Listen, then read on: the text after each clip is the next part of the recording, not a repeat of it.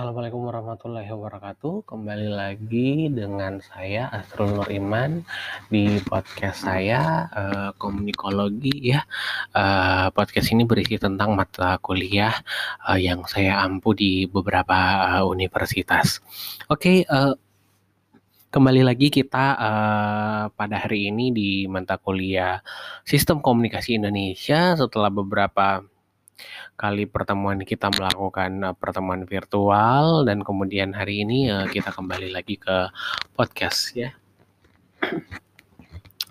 Baik, pada kali kesempatan kali ini saya akan membahas tentang bagaimana kemudian konsep-konsep dalam sistem komunikasi. Yang pertama yang akan saya bahas yaitu hakikat sistem komunikasi ya. Jadi kita tidak bisa memungkiri bahwa pembahasan tentang sistem komunikasi tidak akan terlepas dari sistem sosial ya. Sehubungan dengan itu, apa yang menjadi prosedur dan perilaku dalam sistem sosial juga sangat mempengaruhi prosedur dan perilaku yang terjadi dalam sistem komunikasi.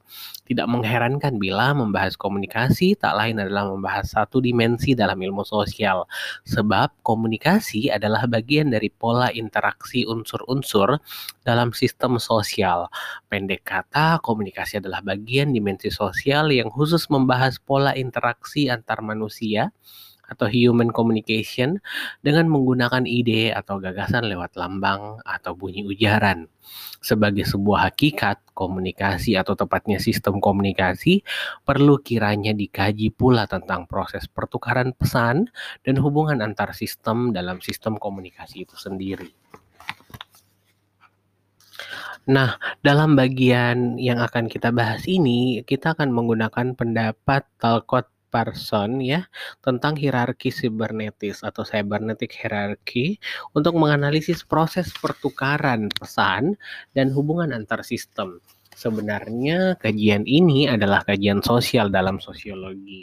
Namun, seperti yang telah dikemukakan, membahas sistem komunikasi tak lain adalah membahas satu dimensi ilmu sosial secara lebih khusus, maka hierarki sibernetis ini juga bisa dijadikan pisau analisis untuk mengkaji ilmu komunikasi.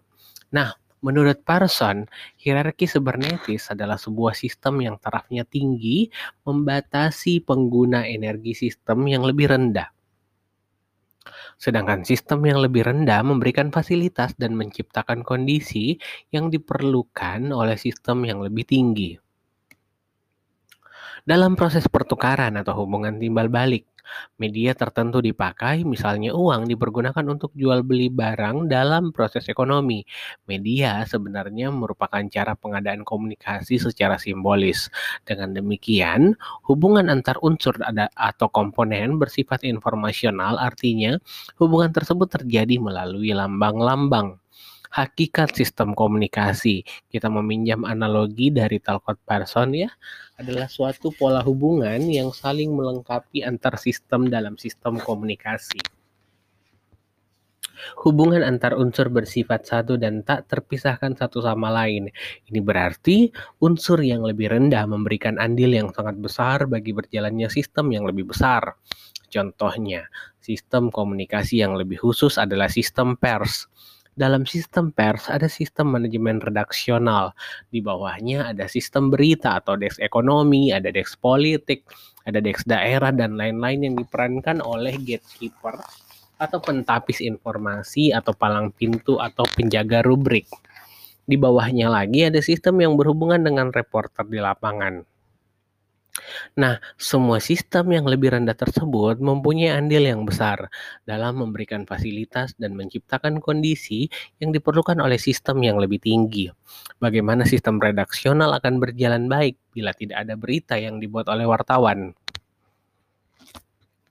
Sistem komunikasi juga tidak akan berjalan dengan baik manakala tidak menggunakan media tertentu. Layaknya sebuah jual beli yang menggunakan uang sebagai alat pembayaran. Dalam sistem komunikasi yang semakin rumit, dan kompleks saat ini, peran media menjadi penting. Perkembangan teknologi modern membuat komunikasi mudah dilaksanakan, sekaligus ada hambatan geografis. Anda cukup memegang telepon misalnya, kemudian menekan nomor yang dituju. Setelah beberapa detik kemudian Anda akan terhubung dengan orang yang dituju pada wilayah lain dengan perantara media. Tak terkecuali dengan pers, Anda tak perlu lagi ke Jakarta untuk mengetahui berita kegiatan di gedung Dewan Perwakilan Rakyat misalnya. Cukup Anda membuka handphone, membaca berita, semua informasi akan didapatkan secara cepat melalui tulisan-tulisan, bunyi ujaran atau bentuk simbol pada media yang kita gunakan. Pengendalian sibernetis beroperasi dalam tiga cara. Yang pertama, proses pertukaran atau pengaruh timbal balik antar subsistem terjadi melalui berbagai tipe media simbolis. Berbagai tipe media simbolis itu bisa diartikan bahwa proses komunikasi tidak hanya dilakukan untuk melalui uh, satu media sebagai simbol ya untuk kita mengenal media misalnya ada radio, televisi, koran, tabloid itu termasuk media telepon juga uh, media sosial ya. Media dianggap penting disebabkan media itu sendiri adalah pesan. Sebagaimana dikatakan oleh Martian McLuhan mengatakan bahwa the medium is the message. Proses yang kedua, proses juga berlangsung dengan memerlukan media simbolis distintif yakni penentuan media atas dasar syarat fungsional.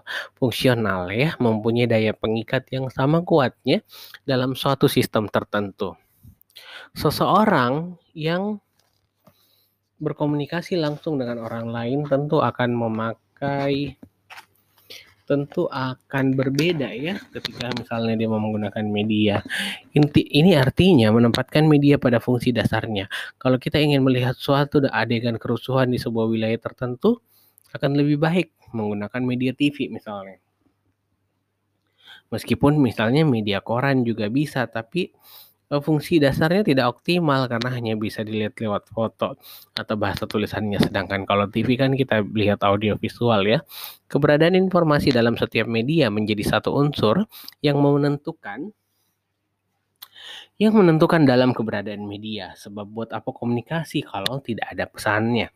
Yang selanjutnya ada adaptasi, pencapaian tujuan, integrasi-integrasi keadaan laten menentukan tipe media simbolis yang dipergunakan dalam hubungan antar subsistem atau sistem.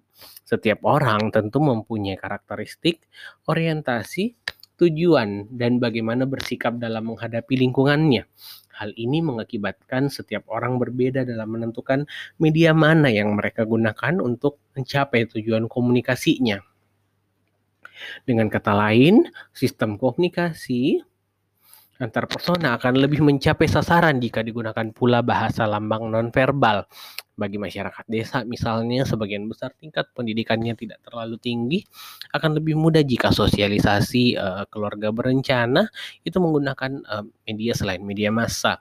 Misalnya ada pemutaran film layar tancap yang di dalamnya ada informasi tentang keluarga berencana tadi itu dianggap lebih efektif dibanding uh, melihat media lain. Misalnya kalau memang daerahnya uh, terbelakang ya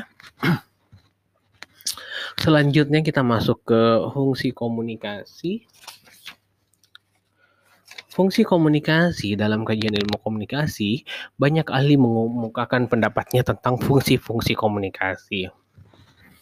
Dari berbagai pendapat yang berkembang dalam buku ini kita dalam pembahasan kali ini ya dalam buku yang uh, kita bahas ini tentang sistem komunikasi Indonesia ini diambil oleh pendapatnya Harold Delaswell ya